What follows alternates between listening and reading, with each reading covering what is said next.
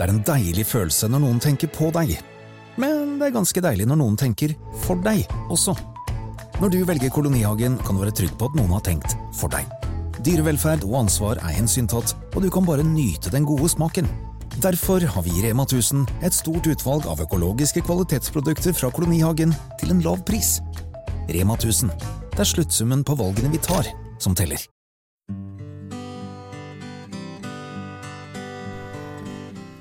Og velkommen til en ny episode av Selvmordspodden.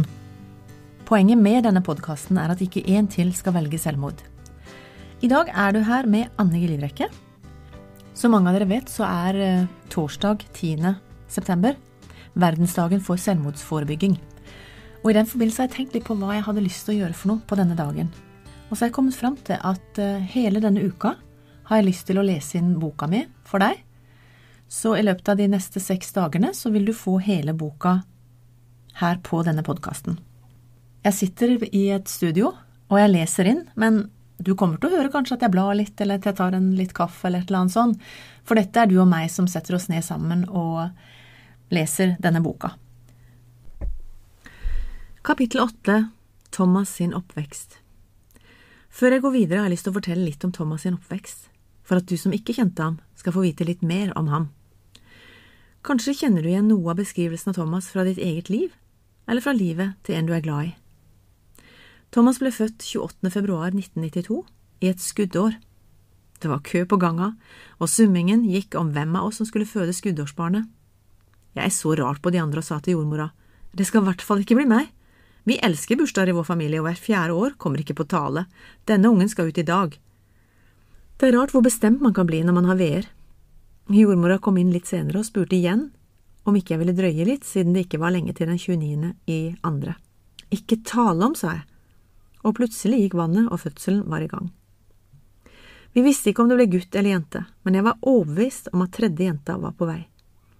Derfor var overraskelsen stor da jordmora utbrøt en nydelig, stor, flott gutt. Hun måtte vise fram beviset flere ganger før det sank inn at jeg hadde fått en gutt. Wow! Jeg var den heldigste i hele verden. Jeg hadde fått to jenter og en gutt. Jeg kunne ikke ønske meg mer. Lite visste jeg da at det skulle gå ti år før jeg overraskende ble mor til hans lillesøster Miriam, som han forgudet over alt på jord. Jeg har nevnt tidligere at vi var fem jenter som ble gravide samme sommer, og alle fem fikk gutter. Alle ville ha navnet Thomas hvis de fikk gutt, så her gjaldt det å komme først til mølla. Jeg tror ikke at noen av oss visste kjønnet. Det var ikke så vanlig i den tida. Siden alle mine barn drøyde to uker over termin, var jeg ganske betutta da hans kompis Atle sneik i køen. Jeg gikk på barselsvisitt til Marit og var veldig spent på om de hadde valgt navn. Huh, ikke Thomas, nei. Da var navnet fremdeles ledig. Så da ble det han som vant det navnet. Etter Thomas kom Morten, så et par dager senere Kenneth og Alexander, på samme dag, tror jeg. Vi var småsjokkert. Hele jentegjengen som gikk og svømte en gang i uka, hadde fått fem gutter på en måned. I flere år fremover kledde vi de opp i likt tøy og feiret felles bursdag, og bursdag har det blitt mange av. Det var alltid godt å ha en unnskyldning for å komme sammen og klemme litt ekstra på den eneste gutten vår. Nå har jeg lest minneboka som vi fikk etter minnestunden, og noen ting går igjen. Thomas skapte alltid god stemning der han var. Når jeg tenker tilbake, kan jeg nesten ikke huske å ha sett Thomas sur. Han hadde to storesøstre som stadig ville trykke på knapper for å få reaksjoner hos han, men han ålte seg unna eller lo det vekk. Han har alltid hatt lett for å få venner. Jeg kan aldri huske at han satt hjemme og kjedet seg noen gang. Dørklokka eller telefonen ringte stadig, og han hadde ofte med seg noen hjem, siden vi bodde på landet. Jeg husker jeg reagerte en dag da stemmen i telefonen gikk fra å være helt lys til bass.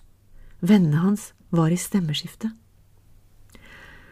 Lekser var aldri favoritten, og jeg tror han brukte sin sjarm på lærerne, spesielt de kvinnelige, for å få karakterene som han mente at han fortjente. Jeg glemmer aldri avslutningen på Nygård skole. Alle i klassen var fint kledd og gikk høytidelig fram til lærerinnen og tok henne i hånda. Men ikke Thomas. Han tok løpefart og hoppet opp og hang seg rundt halsen på lærerinnen. Alle lo, men han brydde seg ikke om det. Det var veldig greit at mamma hadde bil med tilhenger med tre tenåringer som enten elsket hester eller skulle teste ut hybellivet. Jeg kjørte flere ganger på besøk til folk og glemte at jeg hadde med meg tom henger. Det å svippe ungene hit og dit var ganske vanlig. Men jeg nektet de å bruke det ordet etter at Thomas en dag ba meg om å svippe han og kameraten til Finnsland. Å ja, eh, jeg glemte å si det, men kan du ta med og hive med to mopeder på tilhengeren opp dit? Thomas var mest opptatt av venner og fart og spenning, og hesten i stallen hadde han ikke så mye til overs for. Så da siste hesten var solgt, pusset Thomas opp stallen og gjorde den om til sitt rede, med ekte pokerbord og masse lenestoler. Jeg har aldri sett han være så nøye med rengjøring som da hestelukta skulle ut og gutta boys skulle overta. Oppveksten hans var preget av utfordringene jeg har nevnt så vidt tidligere. Jeg går ikke mer inn på de her, men det har vært mange år med kaos hos oss, og han var midt oppi det. En uro har han hatt i kroppen, og han likte mye bedre å finne på noe gøy enn å snakke om problemer. Likevel har vi skjønt at han hadde en egen evne til å se hvis andre ikke hadde det bra, og han gjorde det han kunne for at de skulle bli glad igjen. Da han var 14 år, dro vi til Hawaii. Vi trengte å komme bort, og det å gå på skole med hele familien ble et valg vi ikke angret på. Karina var i full jobb, og hun kunne ikke bli med, men hun kom over på besøk på slutten. Vi andre satte oss på flyet, og 42 timer senere var vi fremme. Etter fire måneder på Hawaii ble vi delt opp i team som skulle reise til forskjellige deler av verden og drive hjelpearbeid. Vårt team skulle til Guam, en liten øy i Stillehavet. Marianne var på et annet team, så hun dro til Australia. Rett før hun skulle dra, fikk Thomas klappet henne på armen og sagt Syss nede! Det var kjempedårlig gjort, siden dette var en lek Marianne alltid vant. Taxien kjørte, og der sto hun igjen og var forhåpentligvis så sint på Thomas at hun glemte å være lei seg for at vi dro. Vi kom frem til Guam på julaften, og siden vi var to norske familier på flyet, fant lederen vår ut at vi kunne synge Glade jul på norsk for alle passasjerene på flyet, så det gjorde vi. Miriam på fire år, Thomas på 14, et herlig ektepar fra Sola og meg. Alle klappet, Vel fremme fikk vi servert et nydelig måltid med komplett fremmed mat fra en gruppe lokale. Disse menneskene var noe av det mest hjertelige og gavmilde jeg noensinne har møtt. De hadde ingenting. De fleste delte hus med fire–fem familier.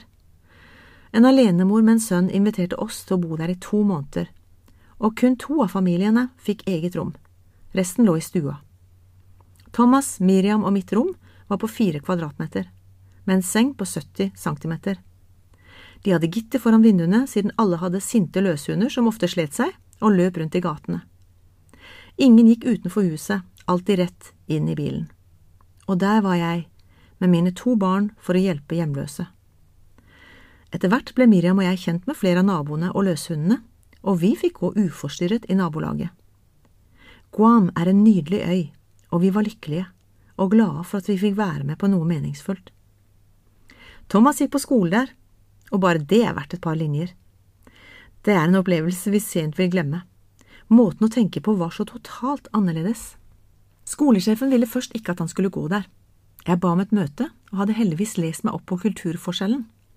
Så jeg begynte ikke rett på sak, slik som er typisk for meg. Jeg så på bildene hennes og begynte å spørre om familien hennes, og fortalte om min familie.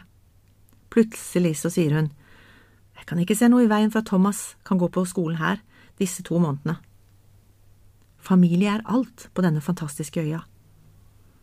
Og det at vi var der for å hjelpe mennesker, gjorde at hun åpnet dører for oss. Thomas gled rett inn, både i miljøet i huset, med mange nasjonaliteter, men også i skolemiljøet og blant de hjemløse i gettoen. Han lærte seg det spesielle tegnet på hei, som var å heve øyebrynene slik at pannen rynket seg. Dette holdt han på med lenge etter at vi flyttet hjem. Vi måtte kjøpe ny skolesikt til ham som var gjennomsiktig, siden det har vært flere skyteepisoder på skolen, og alt var innegjerdet. Men han ville så gjerne gå på skolen der, og fantes ikke redd. Det var enormt godt vakthold på skolen, mye strengere enn noe sted i Norge. Blant tingene etter Thomas fant jeg også hans arbeidsbok fra Foundation School på Hawaii. Her måtte de skrive litt hver uke om hva de tenkte og opplevde. De måtte også illustrere det med tegninger, og Thomas har arvet mine tegneferdigheter, ser jeg. Jeg fikk noen i tegning, og liker best fyrstikkmennesker. Boka hans fikk meg til å både gråte og le. Thomas var så åpen og ærlig både om sin tro og sin tvil, hva han syntes var viktig og kult, og hva han ikke likte. Tilbakemeldingen i boka fra hans norske lærere Margrethe og Thor var veldig rørende. Det var ganske annerledes enn norske læreres tilbakemeldinger, siden det gikk mye mer på han som person, vekst, tro og innsats enn karakterer. Han var en 14-åring som satte varige spor hos de rundt seg. Det har jeg fått mange tilbakemeldinger på. Etter at vi kom tilbake til Norge, begynte Thomas på TIP med planer om å bli mekaniker. Det holdt med det ene året, og han fant fort ut at å skru på biler uten å kunne snakke med folk var ikke hans greie. Men han elsket tekniske ting, og helt siden han var liten gjemte han seg under bordet for å skru fra hverandre ting. Storesøster Marianne har åpnet noen dører for Thomas. Han begynte å jobbe sammen med henne som selger hos Fonero i en periode. Marianne fikk jobb på Ekspert, og plutselig hadde hun fikset jobb til Thomas der. Dette var midt i blinken for han, og han var flink både med kunder og alt det tekniske. Etter å ha jobbet der en stund fikk han tilbud om å jobbe som forskalingssnekker i et murefirma. Dette likte han godt, selv om det var ganske tungt. En bruddskade i ryggen satte en stopper både for militæret og jobben som, jobben som forskalingssnekker, og han begynte å se seg om etter noe som ikke var så fysisk krevende. Hans daværende samboer skulle studere i Tromsø, og plutselig hadde han fått jobb der. Jobben på Elkjøp ble en skikkelig opptur. Det begynte med et år i Tromsø i 2014, senere Kristiansand, Ski og til slutt på hovedkontoret i Oslo.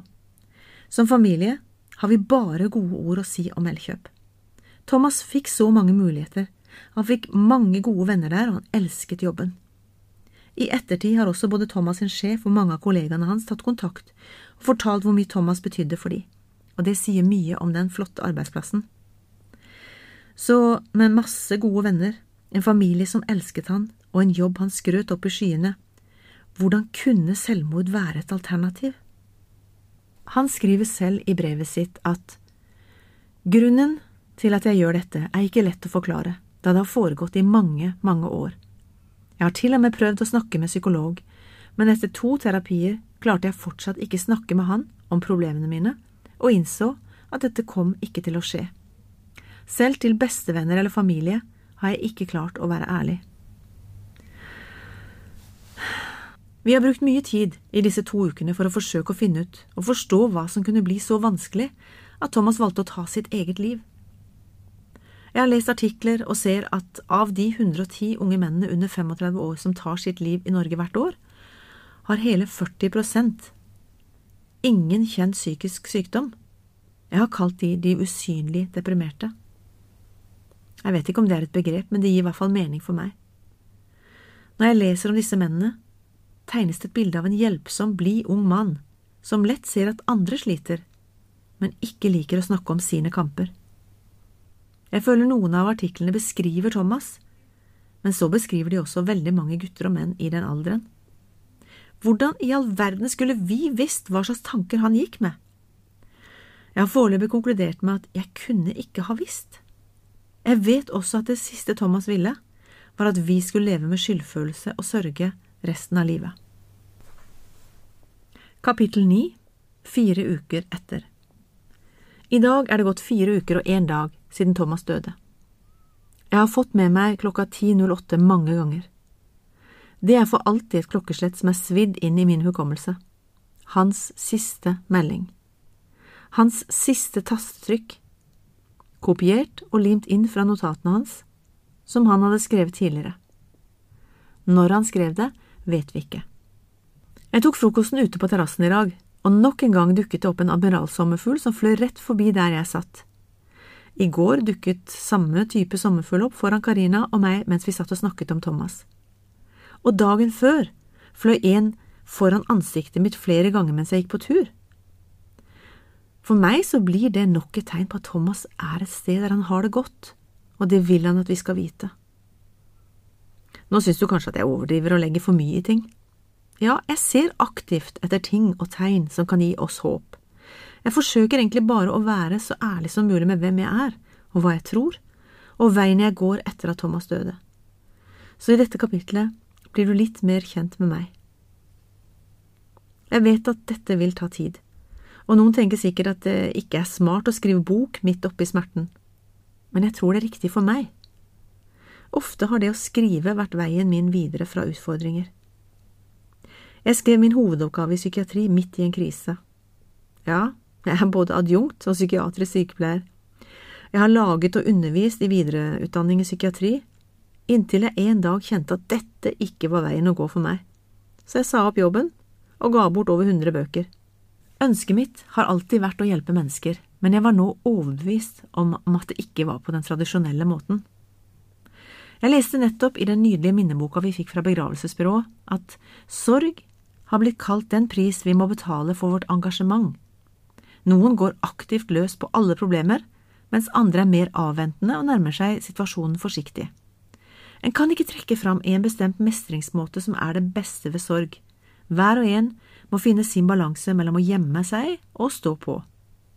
Og det er fra boka Å leve med sorg av psykolog Reidun Ingebretsen. Jeg har alltid elsket å skrive og fortelle. Da barna var små, fant jeg ofte på historier til de når de skulle legge seg. Jeg ble så engasjert i historiene at jeg ble nesten skuffet hvis de ble trøtte og ville sove. Jeg måtte jo vite hvordan det gikk til slutt. Historiene handlet alltid om de, og jeg levde meg inn i historiene, og var like spente som de på hvordan slutten skulle bli. Siden 2015 har jeg fortalt storyer om bedrifter, enkeltpersoner og eventer ved bruk av video på sosiale medier på syv TV-kanaler. Vi er ikke verdenskjente ennå, men jeg har stor tro på at disse lokale TV-stasjonene på sosiale medier er noe vi får god bruk for på veien videre. Jeg har også alltid elsket å gå på skole. 23 år, faktisk. Først et ekstra år i California som utvekslingsstudent. Senere husmorskole. Ja, du leste riktig. Sykepleien, videreutdanning i psykiatri og pedagogikk, treningsskole med YOM i Sveits, England, Norge Hawaii, frivillig og offentlig samarbeid på høyskolen i Volda, og til slutt entrepreneurship, marketing, broadcasting news og and TV production i Florida. Da skjønner du at jeg elsker å lære nye ting. Selv om gjennomsnittsalderen på mine medstudenter er langt under min. Jeg elsker å lære og å være sammen med ungdommer. Da jeg begynte på denne boka, hadde jeg kun overskrifter, og jeg visste ikke at den skulle handle om Thomas før jeg begynte å skrive. Jeg fikk bare en sterk følelse av at jeg skulle skrive bok. I tillegg hadde jeg nettopp lest eller hørt på hennes podkast, boka til en av mine inspiratorer, Sharon Fackerty i Tampa, og hun hadde skrevet sin biografi i august på fem dager. Hvis Sharon kan gjøre det på fem dager, så kan jeg det også, tenkte jeg. Så jeg spurte henne hvordan hun gjorde det, og i kjent stil ga hun meg hele oppskriften uten å kreve noe for det. Jeg fulgte malen, satte opp kapitlene og tenkte jeg skulle skrive min egen livshistorie. Slik ble det ikke. Fra første ord kjente jeg at dette kom til å bli en bok om Thomas. Om hvordan det er for en mor å miste en sønn i selvmord, og hvordan familien og venner skal klare seg i tiden etterpå. I de fem dagene jeg hadde satt av til boka, gjorde jeg lite annet enn å skrive, spise og sove. Det er ikke lett å få tak i søvn når noe så grusomt skjer. Noen netter blir det ingenting. Andre netter to–tre timer med rastløs søvn. Av og til så blir det en hel natt ved hjelp av innsovningspille, men jeg har ikke lyst til å overdrive bruken av dem.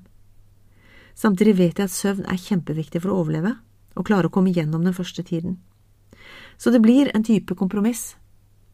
Hvis jeg har mer enn tre netter med mindre enn tre timers søvn, tar jeg en halv tablett. Nå, fire uker senere, har jeg nettopp hatt to hele netter med syv timers søvn uten tablett, så det er jo bra. Mange netter har jeg våknet av at jeg griner, eller at jeg strekker hendene i luften og prøver å klemme Thomas. Miriam har flere ganger vekket meg fordi jeg gråter, så tårene kommer, reaksjonene også.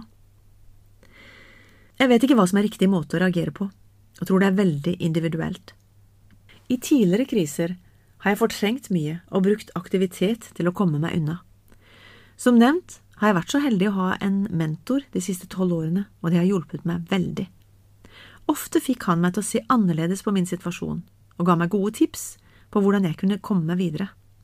Helt ærlig så var det ikke alltid jeg likte forslagene, men hans veiledning har reddet meg ut av utallige krevende situasjoner.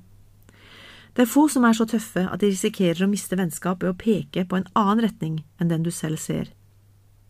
Jeg har fått masse verktøy av han som jeg bruker hver dag, og som virker. Å kunne stole på en mann etter alt jeg og familien har vært igjennom, er et mirakel. Jeg er i hvert fall veldig takknemlig for all den hjelpen jeg har fått av ham for å komme meg videre og finne tilbake til styrke og glede igjen. Har du et lykketall? Eller et tall som stadig gjentar seg i livet ditt?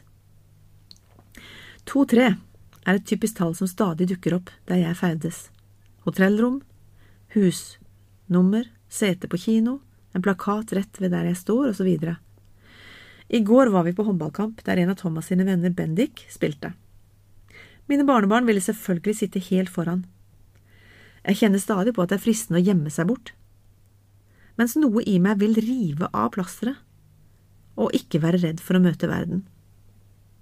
Jeg har sett for meg at jeg har et valg om å hoppe ned i et stort hull der jeg kan sørge å være lei meg hele tiden. Folk vil jo forstå det. Men jeg står liksom på siden av hullet og sier til meg selv at jeg vil ikke dit. Jeg har så mye å leve for, og jeg velger å heller ha det vondt sammen med andre enn å være i det hullet helt alene. Tilbake til håndballkampen. Jeg prøvde å få barnebarna til å innse at vi så bedre lenger bak, at vi kunne bli truffet av ballen, men nei, vi skulle sitte foran. Så ser jeg ned på det ledige setet på siden av meg. To, tre. 23. Det tallet dukker opp overalt. Selskapet mitt heter 23net Pro. Jeg legger fra meg jakka mi og plakatene med Heia Bendik og Heia KRS topphåndball og kjenner tårene presse på. Igjen. Men tårene tørker fort, for det var deilig å bli revet med av spenningen i kampen og heie på en av Thomas sine venner. Sorg er en rar prosess, nesten som en berg-og-dal-bane. Plutselig kommer det en utforbakke der du bare må holde deg fast, så går det oppover, og kanskje litt rett fram en stund, før neste hylende utforbakke. Vi har forskjellige måter å takle det på, noen lukker øynene og holder pusten hele turen, og bare gleder seg til å bli ferdig. Noen er helt rolig hele veien, og er ikke noe redd for det som kommer. Andre er mer opptatt av reaksjonene til de rundt, Ingenting er riktig eller galt i mine øyne. Vi er forskjellige, og det vil være rart om vi alle reagerte likt. Historien for min del fortsetter.